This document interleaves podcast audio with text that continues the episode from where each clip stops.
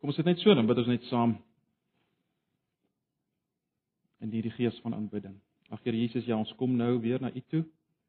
Ons vra dat U nou vanoggend vir ons sal help as ons gaan besig wees met U woord in die begin van die jaar. Help ons om ons denke reg te kry oor die groot gevaar vir ons hierdie jaar, maar ook dit waarvoor ons ons moet beywer hierdie jaar. Asseblief Here, gebruik u woord, die werking van die Gees en ook vir oggend die sakrament om ons te bemoedig, te versterk, te waarsku. Asseblief. Ons vra dit in Jesus se naam. Amen. En ja, broers en susters, ehm um, ek wil eens met vanoggend bly in Openbaring hoofstuk 17 toe. Ons sal wel volgende week weer aangaan met ons uh Markus reeks. Maar vir vanoggend se doeleindes, kom ons blaai in Openbaring 17 toe. In 'n sekere sin gaan ons na die hele Openbaring 17 tot 19 kyk en uh enkele ander gedeeltes intrek. Ons het nie tyd om alles te lees nie. Julle moet dit maar rustig op 'n stadium lees. Uh, jare gelede weet ek het ek 'n uh, reeks gedoen op Openbaring, maar ek weet dis dis in die verre verre verlede. Wat ons vanoggend gaan doen, moet ek dadelik sê, ons gaan nie so seer 'n uh, baie baie fyn uitleg gee van Openbaring soos mens sekerlik behoort te doen as mens nou besig is met die boek nie. Dit uh, is amper meer 'n onderwerp wat ek wil benader, maar dan met vertrekpunt Openbaring. Alraai, so net dat julle weet. Openbaring 17, kom ons lees uh daai eerste 6 verse. Toe het een van die sewe engele wat die sewe bakke het of die skale as jy ou vertaling het gekom en met my gepraat. Kom het hy gesê ek sal ek sal ek sal jou wys hoe die oordeel voltrek word oor die berugte sedelose vrou wat by baie waters bly en met wie die konings van die aarde onsedelik verkeer het. Die bewoners van die aarde het dronk geword van die wyn van haar onsedelikheid. Ek is toe deur die Gees meegevoer en die engel het my na die woestyn toe geneem. Daar het ek 'n vrou sien gesien wat op 'n helder rooi dier sit. Die dier was oortrek met godlasterlike name en het sewe koppe en 10 horings gehad. Die vrou was uitgedos in pers en helder rooi klere en opgetooi met goud, edelstene en parels. In haar hand het sy 'n goue beker vol losbandigheid gehad, die onreinheid van haar onsedelikheid. Op haar voorkop was haar naam geskryf en dit het 'n verborgde betekenis. Die naam was Groot Babylon, die moeder van die sedeloses en van die losbandigheid op aarde. En ek het gesien dat die vrou dronk is van die bloed van die gelowiges, van die bloed van die mense wat vir Jesus getuig het.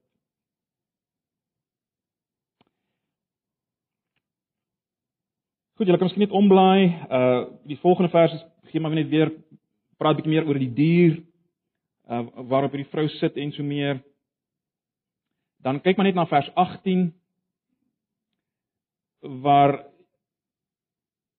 daar vir Johannes gesê word die vrou wat jy gesien het is die groot stad wat heerskappy voer uh oor die konings of heerskappy oor die konings van die aarde uitoefen. En dan in hoofstuk 18 sal julle sien die opskrif is die val van Babylon. Dan in in hele hoofstuk 18 word beskryf hoe hierdie stad Babylon gaan val. Alles wat mens skry in Babylon, dis net interessant. Byvoorbeeld kyk net vinnig na vers 16. Uh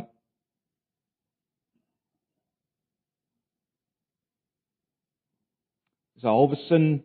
Kom ek lees maar net so van die helfte af. Hoe vreeslik, hoe vreeslik die groot stad uitgedos in fyn klere pers en helderrooi en opgetooi met goud en edelstene en parels. Vers 17 in een oomblik is soveel rykdom verwoes. In vers 21 ook sien julle die verwoesting toe 'n sterk engel 'n groot klip so groot soos 'n meelsteen gevat en dit in die see gegooi en gesê: "So met geweld sal Babylon die groot stad neergegooi word en niemand sal ooit sal hom ooit weer kry nie." Ehm um, alles het verdwyn en die stad word beskrywe. En dan net vinnig in hoofstuk 19 Hierna het ek iets gehoor soos die harde geluid van 'n groot menigte in die hemel wat uitroep: Prys die Here, die oorwinning, die heerlikheid en die mag behoort aan ons God. Regverdig en reg is sy oordeele, want hy het die oordeel voltrek oor die sedelose vrou. Uh wat die aarde deur haar onsedelikheid verwoes het. Hy het die dood van sy dienaars op haar gewreek. Verder het hulle uitgeroep: Prys die Here, haar rook styg tot in alle ewigheid op. Die 24 ouderlinge en die vier lewende wesens het gekniel en God aanbid wat op die troon sit. Hulle het gesê amen, prys die Here. Vers 5: Toe daar 'n stem van die troon af gekom het gesê: "Loof hom, loof ons God al sy dienaars Die wat hom vrees, klein en groot. Ek het iets gehoor so die geluid van 'n groot menigte, soos die gedruis van 'n groot watermassa en soos die gedreun van swaar donderweer. Hulle het uitgeroep: Prys die Here, die Here ons God, die Almagtige, heers nou as koning. Laat ons bly wees en juig en aan hom die eer gee, want die bruilof van die lam het aangebreek en sy bruid het haar daarvoor gereed gemaak. God het haar dit vergun om fyn, helder, blink klere aan te trek. Hierdie fyn klere is die regverdige dade van die gelowiges. Toe sê die engel vir my: Skryf op geseënd is hulle wat na die bruilofslam van die lam, bruilofsmaal van die lam uitgenooi is. Ons lees net so so vers ek sê ek het hom net so oorsig gegee. Ons kan nou nie alles lees. Wat is die groot gevaar vir my en jou in 2016? En waarvoor moet ek en jy ons beywer in 2016? Dis die vraag broers en susters waarna ek wil hê ons moet vanoggend kyk voor ons weer met Markus begin volgende week. En dis maar dinge waarmee ek self 'n uh, bietjie die vakansie geworstel het in my kop. Uh dis waarna ek wil hê ons moet kyk. Kom ons dink net vir 'n oomblik. Wat is die groot gevaar vir ons in 2016? Moet ons aanvalle deur ISIS of ISIS vrees in Suid-Afrika in die lig van wat in die wêreld gebeur? Dalk 'n kaping, dalk dis dalk nader aan ons lyf. 'n Totale ineenstorting van die rand.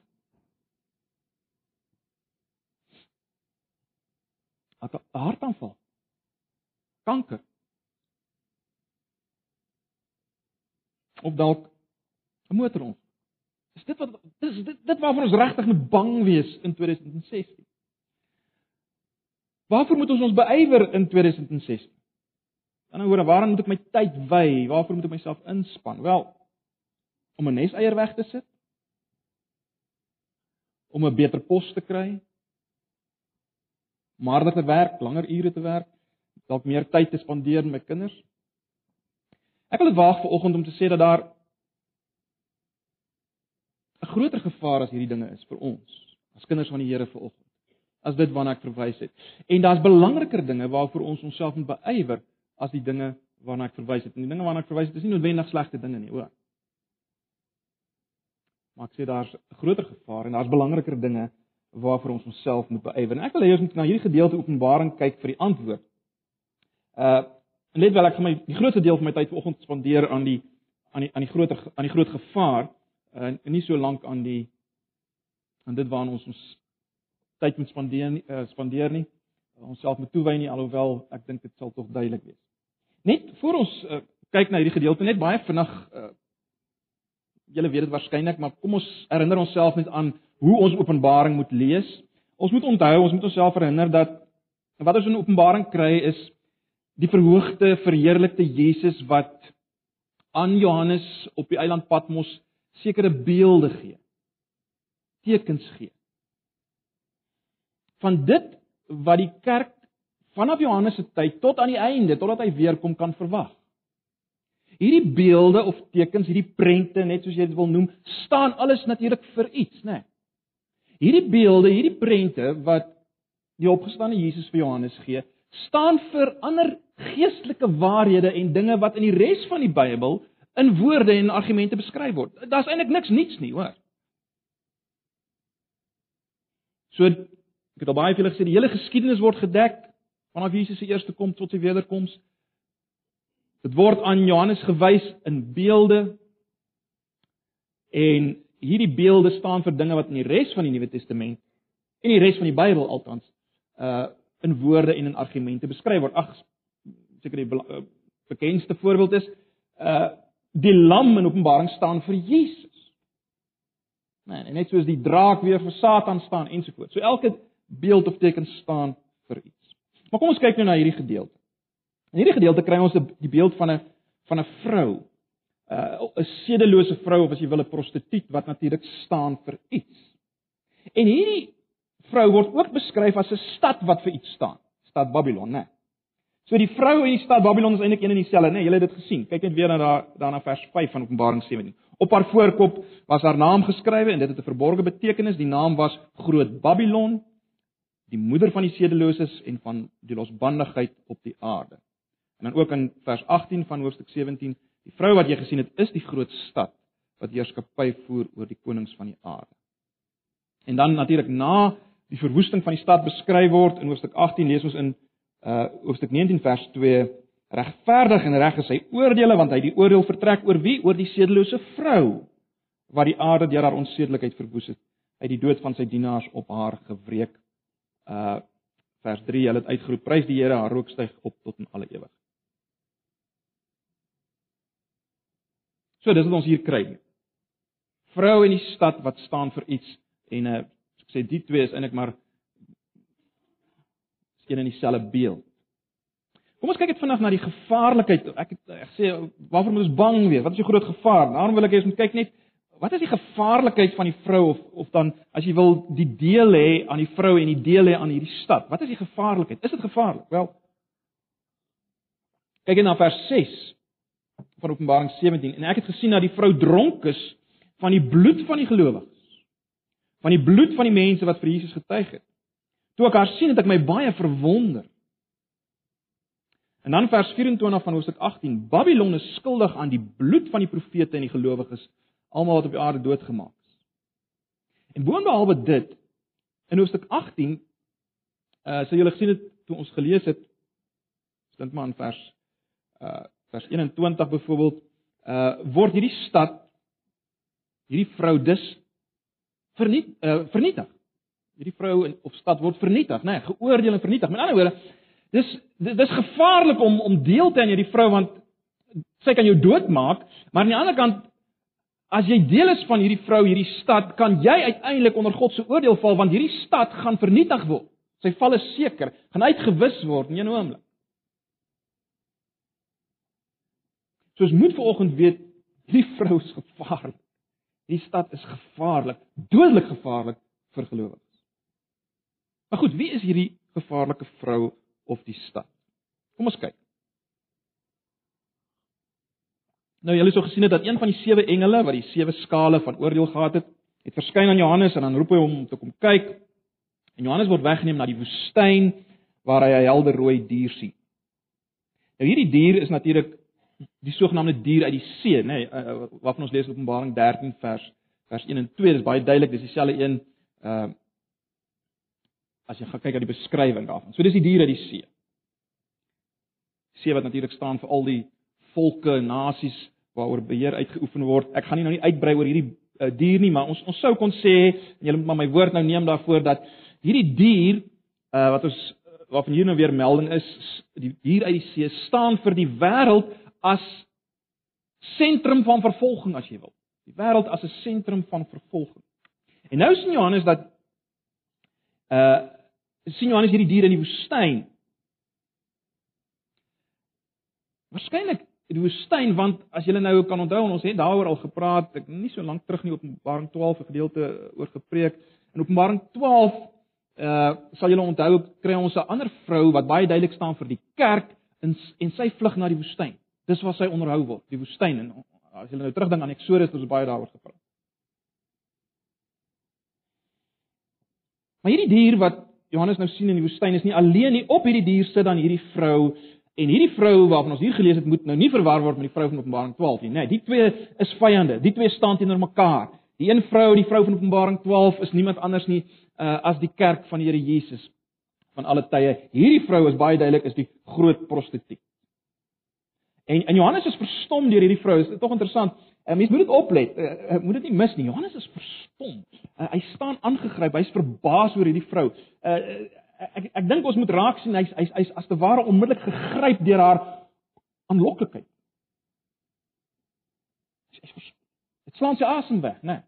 Dis 'n ongelooflike vrou hierdie.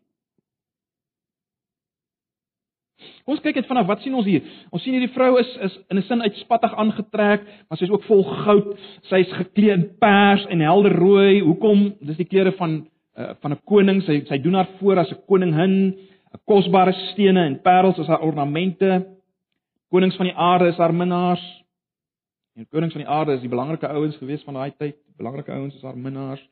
Uh die wêreld word dronk gemaak deur die wyn van haar onsedelikheid en dan in haar hand is ook weer 'n beker, 'n goue beker. Natuurlik aanloklik is, dadelik vir jou uitnooi om daarvan te drink. en hierdie beker is gevul met onrein dinge. En dan op haar voorkop het ons gesien uh, staan daar uh groot Babylon, die moeder van die sedeloosheid. Ons sien dat sy self is dronk van die bloed van die martelare van Jesus, nie net die mense wat deur haar owerspel beïnvloed word as ware dronk is nie, maar sy self is dronk van die bloed van die martelare van Jesus. Ons het reeds gesien uh sy is sy staan vir Babylon, né, die stad. Maar wat sê dit vir ons?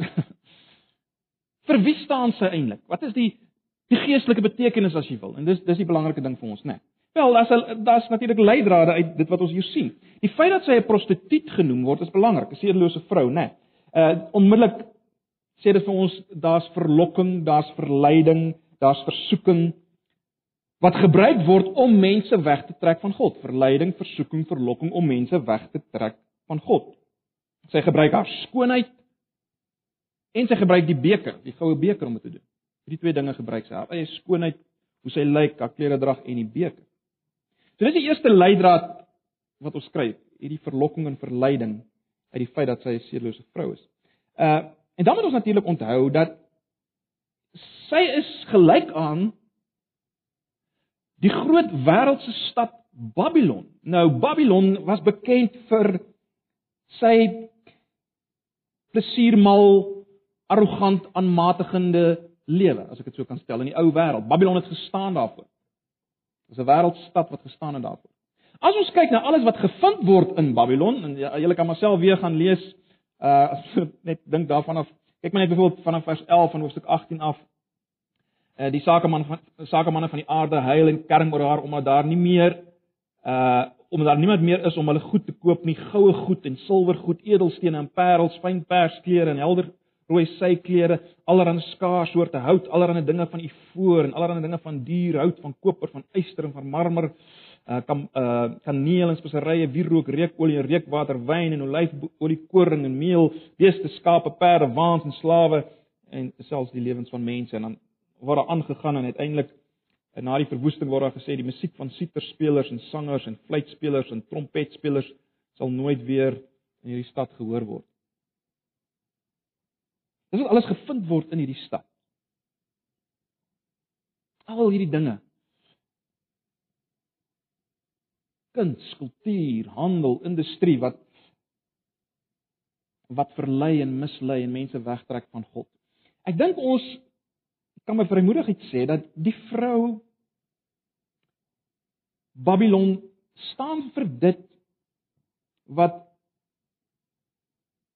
Johannes op 'n ander plek in een van sy briewe noem die wêreld. Dieselfde Johannes wat hier geskryf het, noem dit wat ons hier sien in 1 Johannes 2 die wêreld. Blaai gou na 1 Johannes 2.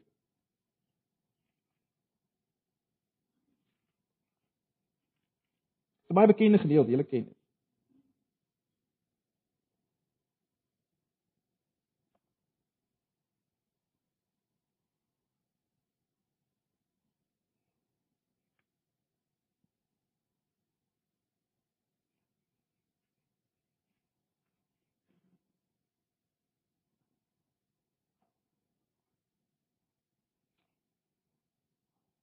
Ons lees in vers 15 sê dieselfde Johannes wat Openbaring geskryf het.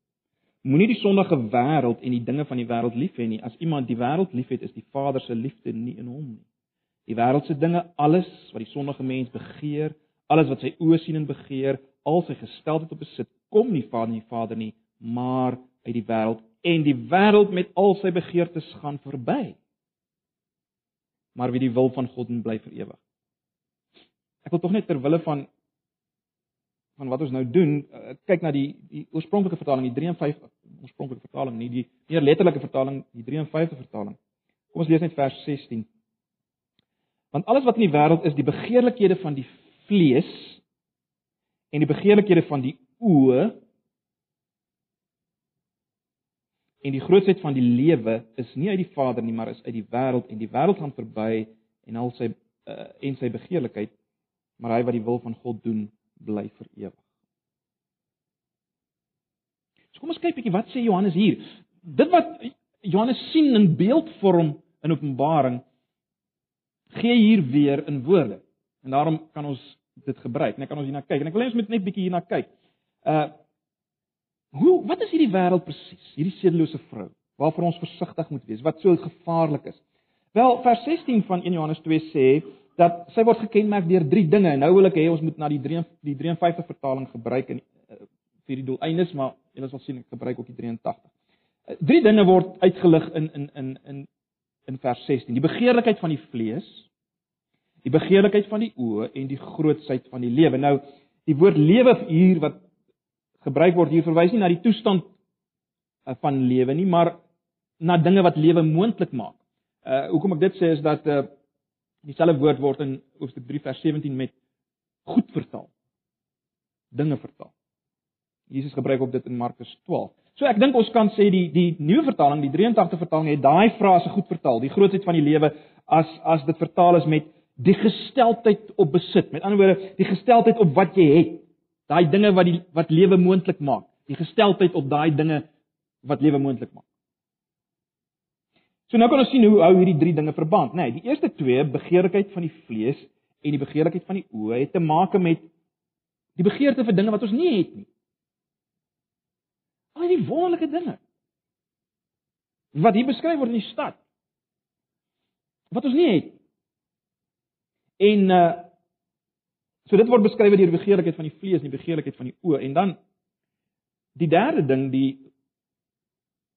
gesteldheid op besit of die grootsheid van die lewe verwys na die begeerte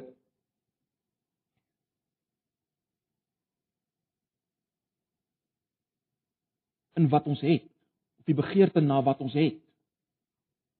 Die liefde vir wat ons het. So dat dan die begeerte na wat ons nie het nie en die begeerte wat ons het. Met ander woorde, ons kan sê dit gaan oor twee dinge en ek het dit al baie gesê, dit gaan oor ek wil hê en ek het altyd op besit wat jy het. Die ding wat jy wil hê en die ding wat jy wat jy het. So daai daai passie as jy wil vir plesier en daardie hoogmoed in besitting. Dis wat ons hier kry. En en dit word beskryf op twee maniere, né? Nee, hierdie hierdie hierdie hierdie soeke na plesier word beskryf op twee maniere. Daar's twee kategorieë: fisies en esteties. Ek meen daar's die begeerte van die vlees, liggaamlike plesiere en daar's die begeerlikhede van die oë, allerlei estetiese en selfs intellektuele plesiere. Dis twee kategorieë. Liggaamlike plesiere en intellektuele estetiese plesiere. En, en as ons nou weer teruggaan na die vrou, dink daaraan, die die vrou, die prostituut verlei op twee maniere, né? Nee. Sy verlei deur deur haar mooiheid, haar skoonheid, haar voorkoms, haar kleredrag wat natuurlik niks in sigself verkeerd is nie. Ek net soos 'n regte prostituut 'n man verlei met seksualiteit wat 'n gawe van God is, maar skeef gebruik word, net so verlei hierdie vrou met dinge wat die lewe aantreklik en gemaklik maak, wat nie in sigself noodwendig verkeerd is nie. Dit word gebruik om mense na haar te lok en weg te lok van die Here af. So in die eerste plek verlei sy deur deur goeie dinge, nie dinge wat noodwendig sleg is nie, nê. En, en en daarom ek meen as ons dink wat in die stad gekry word, nê. Slegte dinge in sigself alles nie. Al die kuns en kultuur en die handel wat op plaas vind en so meer. En daarom goeie dinge kan deel wees van hierdie wêreld wat ons wegtrek, nê. Goeie dinge. Ek meen gesondheidskos.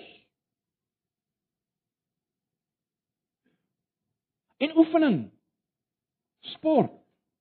En 'n goeie werk en goeie mediese sekuriteit en nuwe dinge, 'n nuwe mooi motor en 'n huis en al die dinge. Goeie dinge. Dis gawes van God. Moenie 'n fout maak. Maar dit kan gevaarlik wees. Dis deel van wat die vrou gebruik. Ons moet dit raak sien. En dan is daar natuurlik die die die beker van goud. Nou nou die die goue beker het al vir julle gesê, ehm um, uh die gedagte is daar dat jy verwag dat daar iets heerliks sal wees in hierdie beker, né? Nee, jy verwag iets wonderliks in hierdie beker want hy's van goud.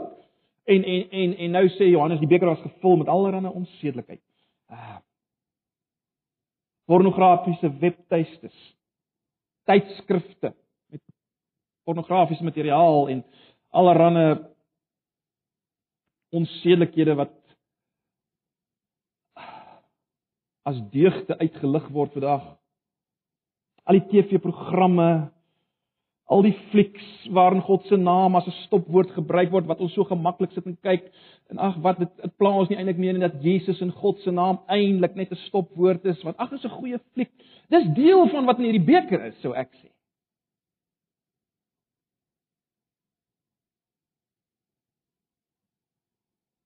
Musiek.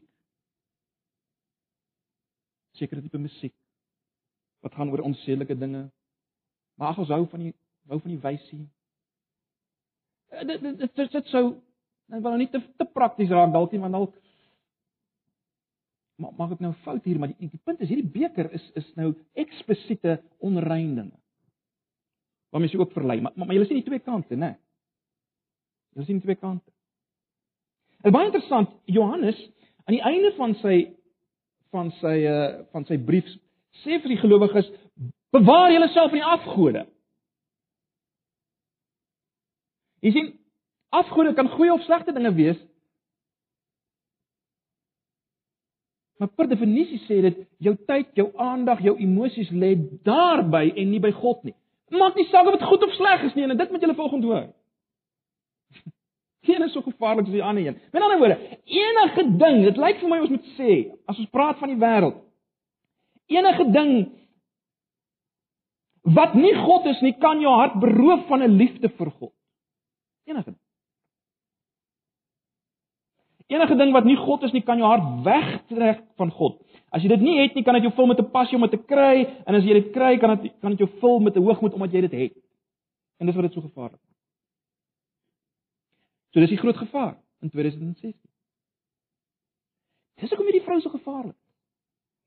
Sy is mooi. Sy is aantreklik. Dis die gevaar. Maar die vraag is nou, hoe kan ons haar teenstaan in 2016? Ek wil hê ons moet ons moet kyk hoe die engel in hierdie gedeelte God se mense leer uh implisiet, miskien meer implisiet as eksplisiet, maar ek dink tog dis duidelik. Hoe hoe hoe leer die engel hier God se mense om hierdie prostituut teen te staan? Kyk 'n bietjie na vers 4 van Openbaring 8.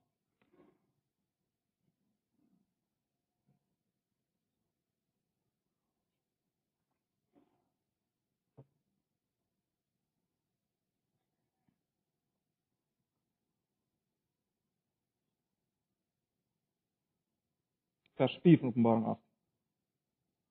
En dit is eintlik baie interessant, is eintlik 'n aanhaling uit Jeremia 51 uit.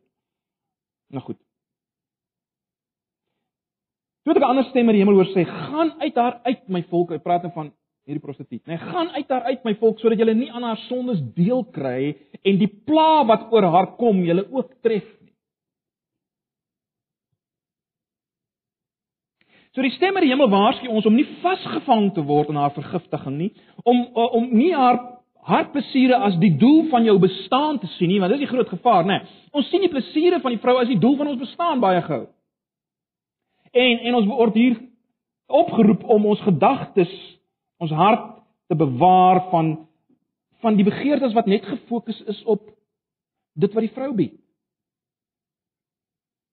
Wat net gefokus is op dit wat die wêreld bied. Dis die bevel. Dis die bevel hier, né? Nee, gaan uit daaruit. Dis die bevel. Maar maar hoe kan ons dit doen? En ek dink hier is drie dinge uh drie maniere wat implisiet hier lê ook in in hierdie gedeelte uh hoe ons aan haar greep kan ontkom. En die eerste ding is dit: herinner jouself, dis die eerste ding. Herinner jouself daaraan dat die wêreld en al sy begeerlikhede gaan vernietig word. Herinner jouself daaraan dat die wêreld en al sy begeerlikhede gaan vernietig word. Ek meen dit is baie duidelik, né? Nee, hierdie prostituut se verdoeming is verseker. Sy gaan vernietig word saam met almal wat haar gevolg het.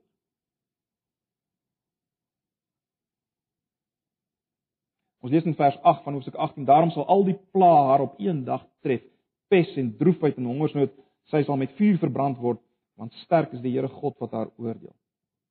Ons gesien as Johannes uh in woorde in 1 Johannes 2 hoe praat in vers 17 dan sê hy vers 15 tot 17 dan sê hy moenie die wêreld en die dinge van die wêreld lief hê nie en vers 17 gee hy die rede die wêreld gaan verby dit gaan verby en al sy begeerlikheid net hy wat die wil van God doen bly vir ewig. Jy sien, so aanloklik soos wat die prostituut lyk, so goed as wat God se gawes is, dit bly nie vir altyd nie. Dit gaan vernietig word. Wat bly vir ewig? Die wat die wil van God doen, volgens vers 17. So, hoe beveg ek en jy hierdie verlokking van die wêreld? Wel, ons beveg dit deur te sê, dankie Here vir hierdie gawe van 'n huis en hierdie gawe van 'n motor en 'n werk en 'n vrou en 'n familie. Uh Maar Here, ek weet hierdie dinge gaan verby. Help my om my vreugde in U te vind. Om my fokus in U te vind, want hierdie goed gaan verby. Jy sien, dis hoe jy dit beveg. Dis hoe jy dit beveg. Here, dankie vir al hierdie goed wat ek het. Dankie vir alles. Dis goeie gawes. Maar Here, ek weet dit gaan verby. Help my om my vreugde in U te vind wat tot in alle ewigheid. Dis hoe jy dit beveg. Dis die eerste manier. Herinner jou aan die verbygaande aard van dit alles. En dan in die tweede 'n tweede ding wat ek wil uitlig is dit in die lig van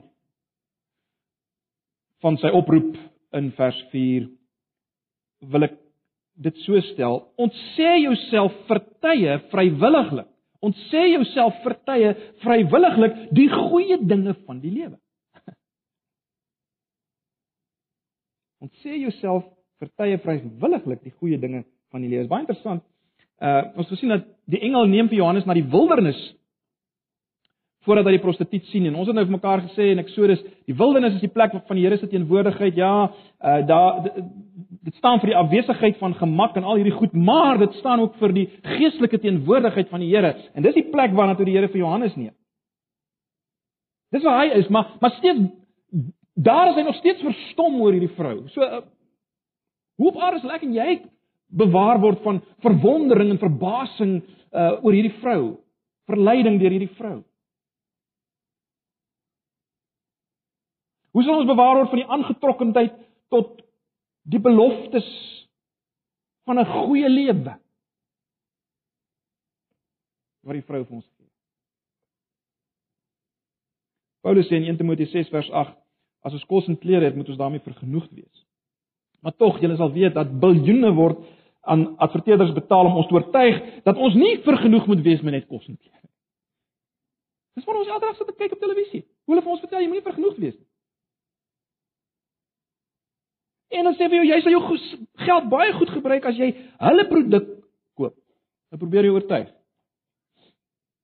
So ons sien hierdie prostituut elke dag broers en susters. Sy verlei ons elke dag. Hierdie advertensies en deur die lewenstyl wat ons sien in die sepies en so kan ons aan. Maar goed, wat is my en jou woestyn? Hoe kan ons osself beskerm? Kom ek gee 'n voorstel en ek sê dit vir myself net soos vir julle uh Kom ons beoefen dit. Verwyder jouself gereeld vir tye van hierdie suigkragte van die wêreld sodat jy jou weer kan verlustig in God. Dit is baie interessant as Jesus vir die, die Satan teenstaan in die versoeking in die woestyn, dan haal hy aan uit Deuteronomium 8 vers 3: "En mens sal nie van brood alleen lewe nie."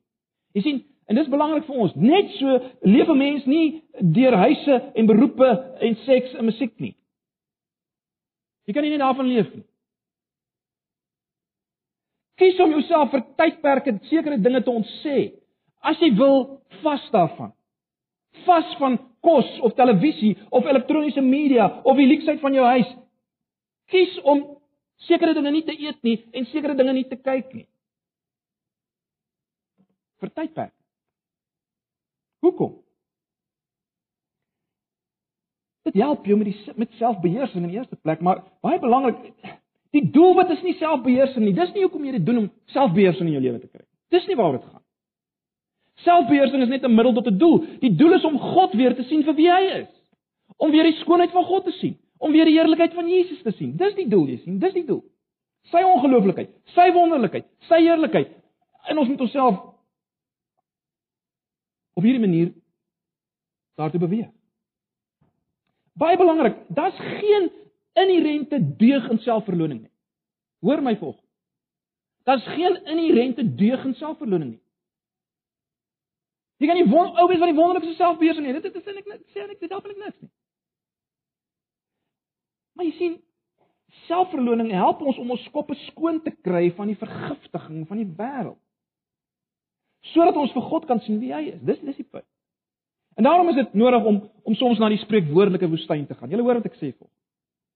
Ek bepleit nie uh wettisisme en asketisme vanoggend nie. Moet my nie verkeerd verstaan. Maar soms vir tye, let wel tye nodig om na die spreekwoordelike woestyn te gaan om jou weer gefokus te kry op God. In ander woorde, wees dankbaar vir God se gawes in 2016. Wees dankbaar daarvoor. Dis wonderlike dinge. God gee vir ons wonderlike dinge. Verseker broers en susters, hy gee vir ons wonderlike dinge om te geniet. Mooi dinge, wonderlike dinge. Wees dankbaar vir God se gawes in 2016, maar moenie te veel fokus op die gawes in 2016 nie. Kyk na die gewer in 2016. Raak behep met die gewer in 2016 en nie net met sy wonderlike gawes in 2016 nie. Jy sien, dis die gevaar. Dis wat die gevaar van die vrou aankom. En dan net laastens, as die verlokking van die wêreld onweerstaanbaar word of lyk, die derde ding wat implisiet hier is, is dit vertrou God se soewereiniteit. Daar's drie verse in Hoofstuk 17 wat God se soewereiniteit uitlig. Uh In Hoofstuk 17 vers 17, ons het dit nie gelees nie, lees ons die volgende. Want God het dit in hulle harte gegee om sy bedoelings uit te voer en een bedoeling uit te voer en hulle heerskappy aan die dier te gee totdat die woorde van God volbring is. Al wat ek wil hê julle moet hier sien is dit God is in beheer van self sy vyande. Hulle dink hulle maak planne teen hom, Hulle dink hulle beplan om hom te vernietig, maar eintlik werk hulle vir sy doelwitte. Selfs terwyl hulle doen wat hulle graag wil doen, werk hulle vir sy doelwitte. Wil nie op uitbrei nie, maar ons moet dit hier raak. So, wat, hoekom sê ek dit? Wel, die punt is dit. Hoekom sal ek en jy die vyand se leuns glo dat as jy gaan uit dat dat jy gaan uitmis? Uh, hoekom sal ek en jy die leuen glo dat ons gaan uitmis as jy nie saam gaan met die wêreld nie? Want God is soewerein oor selfs hierdie vyande. Baie belangrik. In vers 14 lees ons ook uh dat die wat die lam volg is gekies en hulle is getrou. Wie word die volgelinge van die dier? Kom ons kyk net na vers 8. Die dier wat jy gesien het was en is nie en sal uit die grond uh, sal uit die afgrond opkom en na die verderf vaar en die bewoners van die aarde wie se name nie van die grondlegging van die wêreld af van die boek van die lewe geskrywe is nie sal Hulle verwonder as hulle die dier sien wat was en nie is nie alhoewel hy is. Wat wat is die punt maar net hier? Wat is die punt wat ek wil maak? As ek en jy aan die Here behoort, is ons veilig in hom. Ons is veilig in hom. Dis ons sekuriteit. Dis ons sekuriteit. Nie nie al die dinge wat ons het en kan kry nie. Hy het jou naam in die boek van die lewe geskryf voor die skepping. Hy het jou geroep met 'n onweerstaanbare roeping. Hy het jou gekies. Hy sal jou die krag gee om getrou te bly. Dis wat ons moet raak. So wanneer dit lyk asof die wêreld jou gaan oorweldig in 2016. As jy dink jy gaan nie daan slaag om om hierdie vrou teen te staan nie. As jou kop deurmekaar is, deur al hierdie begeertes, sê vir jouself, ek behoort aan die Here. Ek behoort aan hom. Hy het my geroep. Hy sal my die krag gee dat ek dit kan teenstaan. Hy het 'n goeie werk in my begin. Hy sal dit klaarmaak. Sê vir hom, Here, ek glo, kom my ongeloof te help. En hy sal dit doen. Hy kan dit doen en hy sal dit doen. En as jy vanoggend onseker is van van hierdie dinge, onseker is van jou status in die Here, wel draai weg van die wêreld en en en vind jou vreugde in hom. Sê vir die Here, Here, ek bely my aangetrokkenheid tot hierdie dinge. Ek bely dit. Moenie nie probeer wegsteek nie. Here, ek u weet ek is voluit in die wêreld. Al sit ek elke Sondag hier. U weet dit, Here. Here, ek weet dit lei na vernietiging. Ek wil my vreugde vind in U. Vergewe my, Here. Vergewe my deur die bloed van Jesus. Kom terug na hom. So. Wat is die eintlike gevaar in 2016? Die wêreld. Die wêreld. Die groot gevaar vir my en jou in 2016. Juis. Omdat hy so mooi is. Dis waar jou geveg gaan wees. Baie vinnig. Waarmee moet ek my positief. Ons is nou 'n bietjie negatief gepraat, né? Nee. Waar waar moet ek myself positief besig hou in 2016? Kyk net baie vinnig weer na Openbaring 19.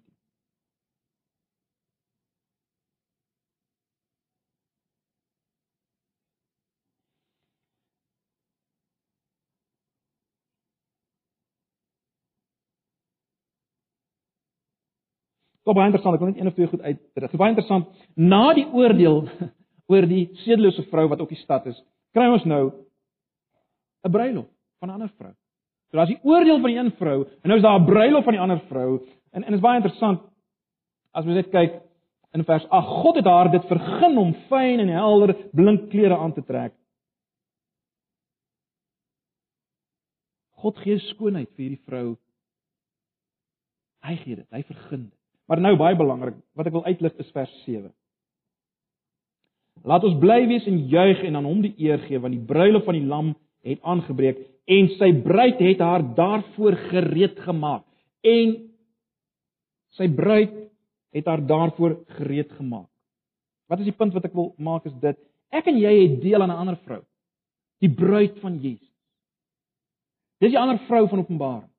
En en terloops interessant, hierdie vrou word ook beskryf as 'n stad weer, né, in Openbaring 21 en 22. So dis twee vrouens, twee stede, maar goed. Ons het deel aan hierdie vrou. Waarmee moet ons besig wees? Wel, ons moet ons gereed maak vir die bruilof van hierdie vrou.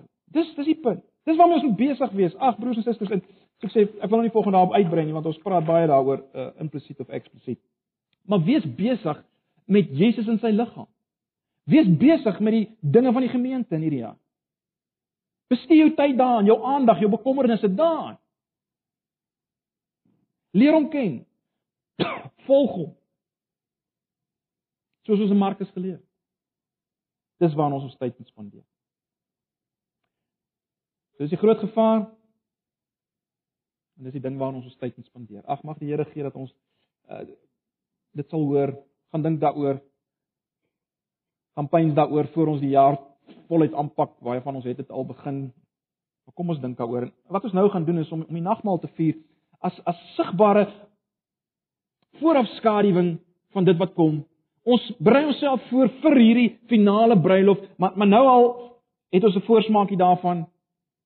En hierdie nagmaal verseker ons van dit waaraan ons deel gaan hê en van die rede waarom ons deel daaraan gaan hê want ons kyk en ons dink aan die bloed van Jesus wat vir ons gevloei het en die brood wat vir ons gebreek is sodat ons kan deel hê aan die nuwe vrou die ander vrou van Openbaar die bruid van die lam kom ons verheug ons daarin of ons saam bid en dan vra ek net dat die uh, oudeling of die diakens net vir ons die tafel gereed maak en dan gaan breek ons dit saam kom ons bid saam Ag Here Jesus, baie dankie vir u woord. Here, u ken ons, u ken my. U weet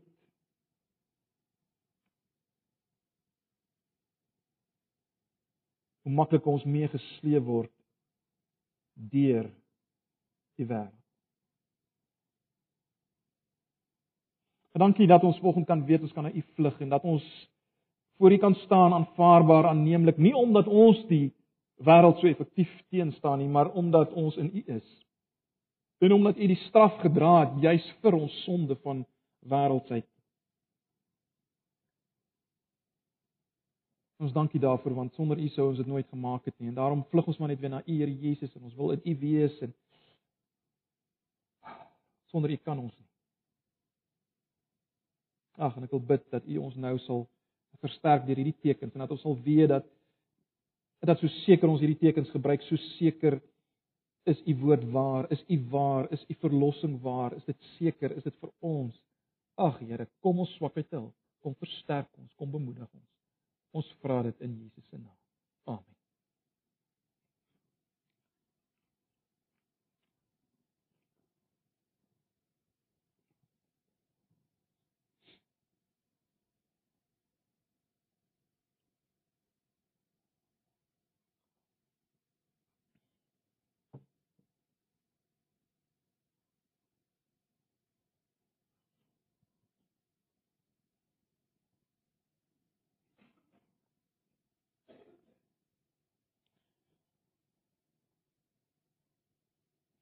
Broers en susters, kom ons dink daaraan na die brood wat ons breek. staan vir die liggaam van die Here Jesus wat vir ons gebreek is vir ons wêreldsgesindheid. Ons ongeloof, ons ontrou, Hy is gebreek in ons plek, sy liggaam is gebreek sodat ons kan deel word van die liggaam van Jesus, die bruid. Die vrou van Openbaring 19. So kom ons gebruik die brood en ons dink daaraan. Die beker waaruit ons skink en waaruit ons gaan drink staan vir die bloed van Jesus, die bloed van die nuwe verbond. Sy lewe wat gegee is vir ons sodat ons kan lewe sodat ons aanvaarbaar kan wees vir God. Ons ontvang sy lewe, sy gehoorsaamheid, sy liefde vir God.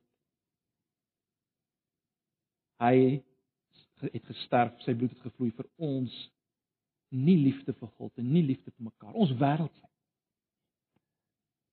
Ag, kom ons kom ons dink daarom, kom ons gebruik dit deur die geloof en en dink daaraan dat so so seker soos ons soos ons hierdie brood kan eet en dit ons maak 'n deel van onsself en die, die beker drink en ons maak 'n deel van die van onsself, net so kan ons Jesus as te ware eet en drink deur die geloof en deel hy aan hom. En as jy volgens een is wat so deel het aan hom. Uh nie omdat jy 'n superchristen is nie, nie omdat jy uh dit gemaak het in hierdie vakansie nie. Ons niemand van ons het dit gemaak nie. Dis juis vir gebroke kinders van die Here om ons te versterk en te bemoedig dat ons is aanvaarbaar vir God op grond van wat hy gedoen het. En hy gaan ons die krag gee om die vrou teen te staan en hom lief te hê in 2016. Kom ons gebruik dit met vrymoedigheid. Ek nooi julle uit om die nagmaal saam met my te. Mag die genade van ons Here Jesus en die liefde van God en die gemeenskap van sy Heilige Gees by julle wees en bly op so 'n wyse dat julle die versoeking van die wêreld kan teenstaan. Amen.